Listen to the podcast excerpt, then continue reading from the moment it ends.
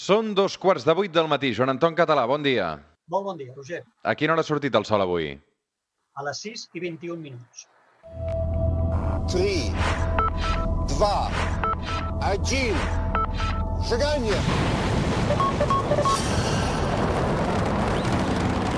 It's one small step for man, one giant leap for mankind.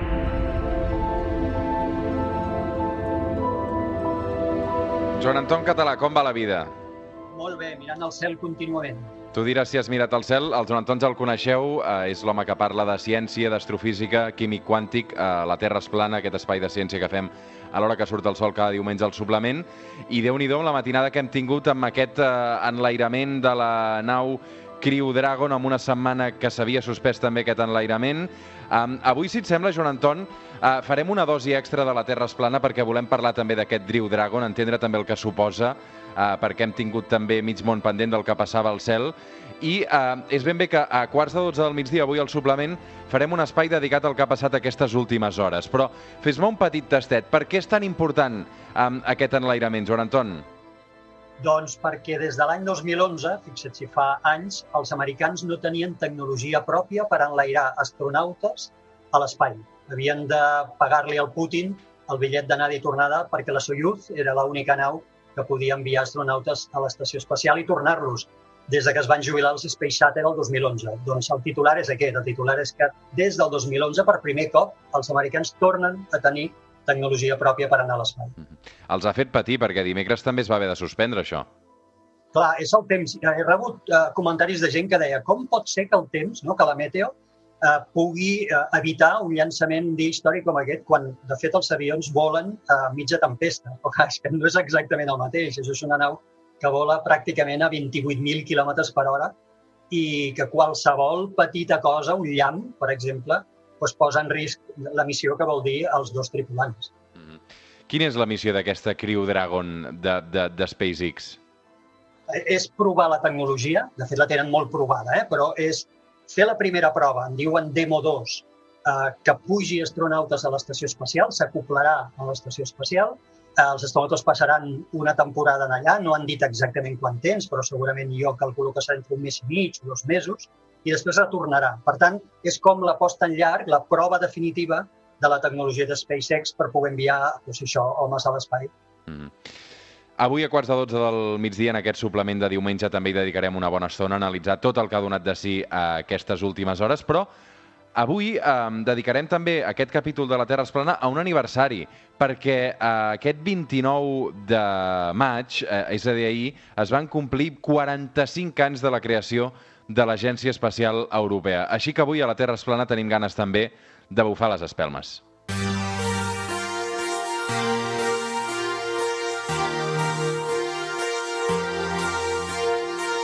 Joan Anton, quan parlem d'organitzacions espacials, la primera que sempre ens ve al cap és la NASA, però a nivell europeu hem de parlar d'aquesta, no? de les 45 espelmes que bufa a l'ESA, aquesta Agència Espacial Europea. Sí, sí, és molt important, és de les agències més importants, agències espacials més importants del món, que està composada per 22 estats membres. Per tant, fixa't que és un consorci força important i té participació, a més a més d'aquests 22 països membres, o estats membres, té participació d'altres estats en col·laboracions, alguns dels quals volen entrar a formar part eh, amb veu i vot, diríem, de, de l'organització. Crec que el centre operatiu és a París, no, Joan Anton? Aquest seria el centre exacte administratiu. Eh? Vull dir, si vols escriure, ara ja no escrivim cartes, però vaja, si volguéssim adreçar un missatge formal, l'adreçaríem a l'oficina de París.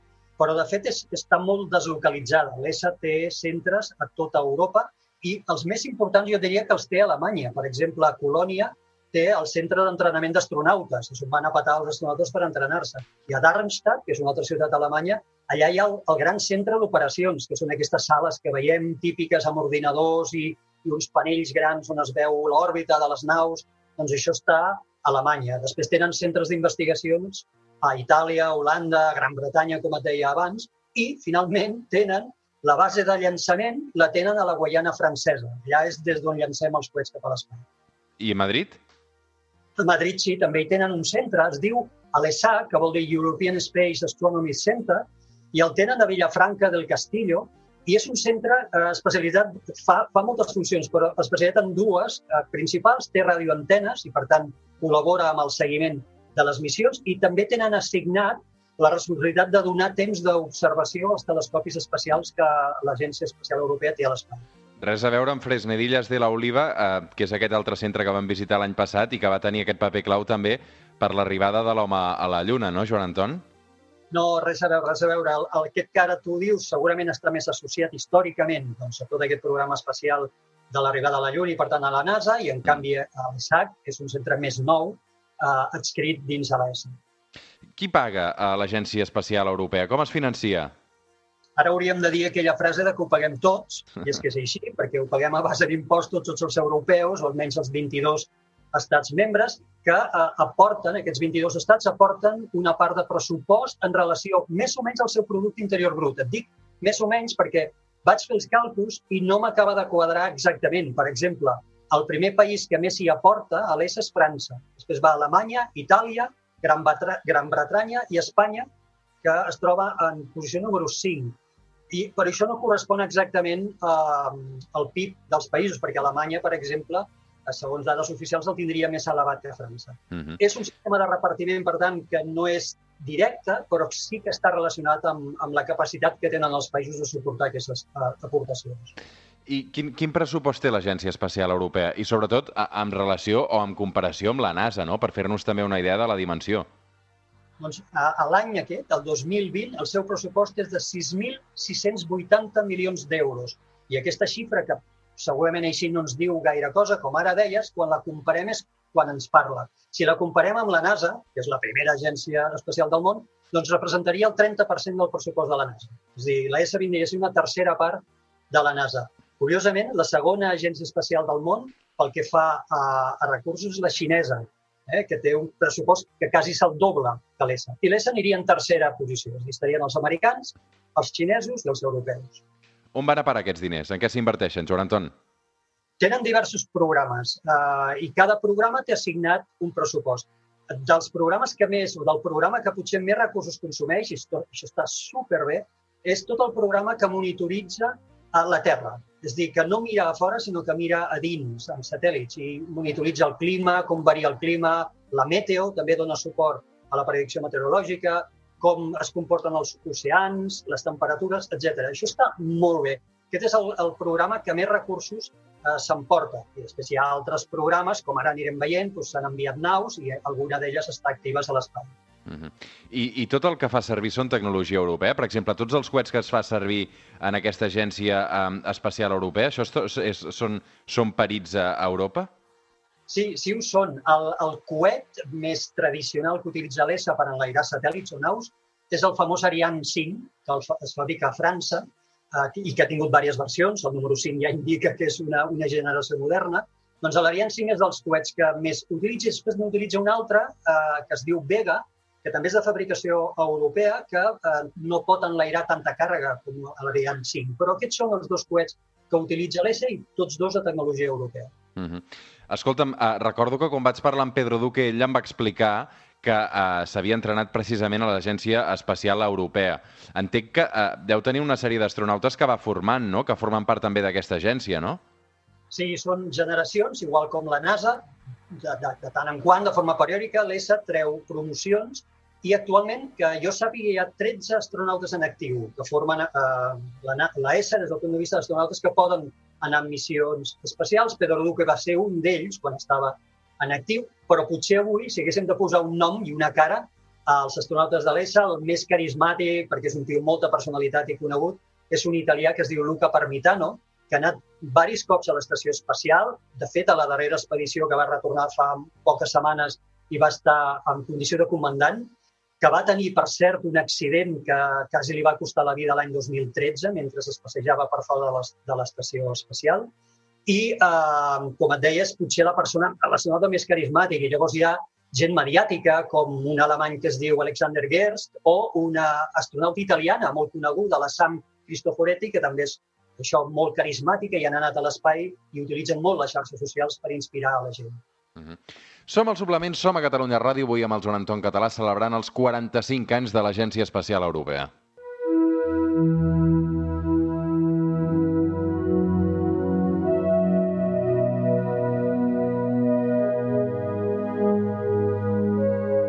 Anton, quan pensem en missions espacials importants, sobretot pensem en la NASA, però l'Agència Espacial Europea eh, també n'ha fet no, de, de, de rellevants. Eh, una que potser eh, en sona és la de Bepi Colombo. En què consistia aquesta exactament? Aquesta em sona perquè és una, una missió que darrerament doncs, ha sortit a les notícies, perquè és un projecte conjunt entre els europeus i l'Agència Espacial Japonesa i és una nau que porta destí a Mercuri. En aquest moment està eh, en trajectòria eh, de Mercuri per anar a Mercuri, cosa que no és gens fàcil, perquè Mercuri és un planeta molt petit eh, i mm, relativament proper al Sol. I posar una nau que entri en òrbita de Mercuri és molt, molt, molt complicat. Aquí la trajectòria que segueix aquesta nau és llarga, és una nau que ara ha rebotat contra la Terra, gravitatòriament ha rebotat contra la Terra, ara se'n va cap a Venus, on rebotarà dos cops, després rebotarà contra Mercuri sis vegades, i a cada un d'aquests eh, rebots eh, gravitatoris el que fa és ajustar l'òrbita i frenar una mica perquè finalment a l'any 2025 es pugui arribar a posar en òrbita al voltant de Mercuri. Com et deia, això és una, un projecte conjunt entre l'ESA i l'Agència Espacial Japonesa. Mm. Eh, n'hi ha més, per exemple, el satèl·lit Gaia. Què és el satèl·lit Gaia? Aquesta seria, jo diria, la joia de la corona en aquest moment de l'Agència Espacial Europea. És un satèl·lit que el que està és fent un mapa de la nostra galàxia, de la Via Làctea, i està eh, mapejant, calculant en una precisió exquisida, com mai s'ha fet, la posició de mil milions d'estrelles, que això és eh, molt gran, però de fet només representa l'1% de totes les estrelles que hi ha a la nostra galàxia. I, i aquest estudi que està fent revoluciona totalment l'astronomia perquè qualsevol investigació que hagi d'anar a buscar dades sobre la posició d'una estrella o la lluentor d'una estrella anirà al catàleg que està construint Gaia. Per tant, és una revolució absoluta i segueix una mica la tradició de l'Agència Espacial Europea de mapejar el cel, perquè Fa anys ja el, el catàleg referent també l'havia creat l'ESA amb una nau que es deia Hiparcos, però això s'ha quedat obsolet, obsolet amb tot el que està fent aquesta la Gaia, on, et dic per cert, que hi ha col·laboració eh, catalana eh, i la Universitat de Barcelona, investigadors de la Universitat de Barcelona, estan directament relacionats també en aquesta missió. Mm. Escolta'm, aquests últims anys també hem sentit molt a parlar de la missió Rosetta. Ah, aquesta és xulíssima i, hi ha models. Es va convertir, de fet, la nau Rosetta en miniatura, en forma de joguina, es va convertir doncs, això en una joguina de moda i amb el símbol, que deia, aquest és el símbol de, de l'ESA. Això va ser una nau que es va enviar a un cometa. Es va, fer, va arribar al cometa l'any 2014, després de 10 anys de viatge. El cometa, pels amics, es diu 67P, pels no tan amics, es diu el Churimov-Gerasimenko, un nom així com una mica complex. I aquesta, sí, i, i la Rosetta el que va fer és, es va posar en òrbita al voltant d'aquest cometa, però que és complicadíssima, perquè els cometes tenen una gravetat molt, molt, molt petita i la nau arriba a tota velocitat, i va acompanyar eh, en aquest cometa durant part de la seva òrbita fins que va passar pel darrere del Sol també, pel perièl·lic, que n'anomenem. Van ser dos anys enviant dades absolutament extraordinàries i on fins i tot es va fer aterrar un petit dispositiu eh, que va aguantar unes hores tan sols a la superfície del cometa. Finalment, els enginyers la van fer suïcidar a la Roseta l'any 2016 perquè ja mm, s'havia quedat sense combustible, no hi havia res més a fer, i llavors la van enviar en una trajectòria de col·lisió directa i eh, la Roseta, com una heroïna, doncs, va estar retransmetent imatges i dades fins fins al mateix últim moment. Mm -hmm. Escolta'm, l'ambició de l'Agència Espacial Europea també és arribar a Mar, Joan Anton? Sí, com totes, Mart és el nostre objectiu, com de totes les agències espacials. El que passa que t'haig de dir que els europeus no tenim gaire sort en aterrar-hi a Mart. Així com, per exemple, sí que tenim dos satèl·lits, en aquest moment hi tenim dos satèl·lits en òrbita marciana, dels sis que hi ha. Dels sis que hi ha, doncs mira, un és indi, eh, dos són europeus, els altres tres són de la NASA. Doncs això sí que ho fem, sembla que ho fem bé, però això d'aterrar no se'ns ha donat històricament mai gaire bé. Per exemple, va haver una sonda que en dèiem la Mars Express, eh, que va estar al, en òrbita al voltant de Mart i aquesta sí que va funcionar, però llavors vam intentar enviar eh, aterradors a sobre la superfície de Mart dos vegades que ens han fallat les dues. Per tant, aquesta l'assignatura d'aterrar a Mart, de posar una nau sobre la superfície de Mart, segueix estant pendent. Mm -hmm. Som al suplement, som a Catalunya Ràdio, això que sona és La Terra és plana.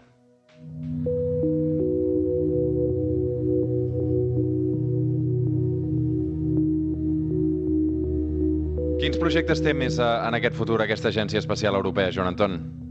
N'hi ha de molt xulos. Per exemple, en col·laboració amb la NASA i també altres agències, hi ha un projecte que es diu Gateway, eh, que és construir una estació orbital permanent en òrbita lunar. Eh, allò de les pel·lícules, doncs el mateix, un lloc on puguin haver astronautes, per entendre'ns, una estació espacial internacional, però en òrbita lunar. Després hi ha el projecte LISA, que és un detector d'ones gravitacionals que estarà en òrbita al voltant del Sol. Uh, tenim el robot marcià. Ara parlàvem de Mart, doncs els europeus ho volem tornar a intentar i enviarem un robot marcià que és biòleg per buscar-hi vida. Llàstima que no el podem enviar aquest any, estava previst que sortís el juliol d'aquest any i per retardaments que hem patit no podrem fer-ho, no podem enviar-lo fins a l'any 2022. I de les darreres notícies que s'ha conegut és que el mòdul de servei de la nau Orió, que és la nau que vol utilitzar la NASA per retornar a l'home a la Lluna, d'aquí uns anys, doncs un mòdul de servei d'aquesta nau serà construït també i serà, diríem, contribuït per l'ESA. Molt interessant un dia més tot el que ens explica el Joan Anton Català. Uh, per cert, han estat unes hores mogudes pel que fa al cel. Um, què més hi passarà aquesta setmana, Joan Anton? I tenim aquest divendres un fenomen que normalment sempre desperta interès, que és un eclipsi de lluna. El que passa que t'haig de dir que aquest cop és un eclipsi que n'anomenem de penombra, penombral de lluna. Són eclipsis que són poc espectaculars, aquests penombrals. Costarà de veure, perquè a més no serà, només serà una part de la Lluna que entrarà a la penombra, ni a l'ombra de la Terra, sinó a la penombra. Per tant, costarà de veure. Algú ho pot intentar, eh? però jo diria que si algú vol apostar per una visió interessant del cel, el que ha d'apostar, sens dubte, és per trobar Mercuri en el cel del vespre. Venus ja pràcticament s'ha deixat, però el seu lloc l'ha ocupat Mercuri, que és el planeta més complicat de veure a ull nu dels cinc que podem veure, i ara el tenim perfectament situat al cel de l'oest poc després de la postmoció. Potser aquest eclipsi eh, es veu bé des de l'Observatori Fabra eh, i crec que tenim bones notícies i és que tornarà a obrir amb, amb mesures de seguretat, això sí, però a finals d'aquesta setmana, no, Joan Anton? Um... Just, justament, efectivament, justament, mira, el, el divendres 5, que et deia que hi ha eclipsi penombral de lluna, coincideix amb què reobrim el Fabra pels famosos sopars amb estrelles, que és aquella activitat on hi ha un sopar, una observació, una xerrada i una visita guiada, doncs ho farem, com bé deies, amb mesures de seguretat especials per la situació de pandèmia que estem patint. Això inclou l'utilització, evidentment, de, de màscares, de guants, fins i tot d'ulleres eh, transparents, amb vida transparent, perquè puguem posar l'ull amb seguretat eh, al telescopi sense haver-nos de, de preocupar de qui ha mirat abans, en fi, amb moltes mesures de seguretat, sí. Mm -hmm. Joan Anton Català, moltes, moltes gràcies. Ens retrobarem avui a quarts de 12 del migdia. Tornarem a trucar al suplement per analitzar també um, i acabar de pair això que ha passat aquestes últimes hores amb aquesta nau, el Crew Dragon, um, que uh, en aquest cas doncs, uh, la NASA tenia ganes de, de fer enlairar i avui explicarem també tota la rellevància que, que tindrà aquest moviment. Ens retrobem d'aquí una estona. Joan Anton, una abraçada. Igualment, perfecte.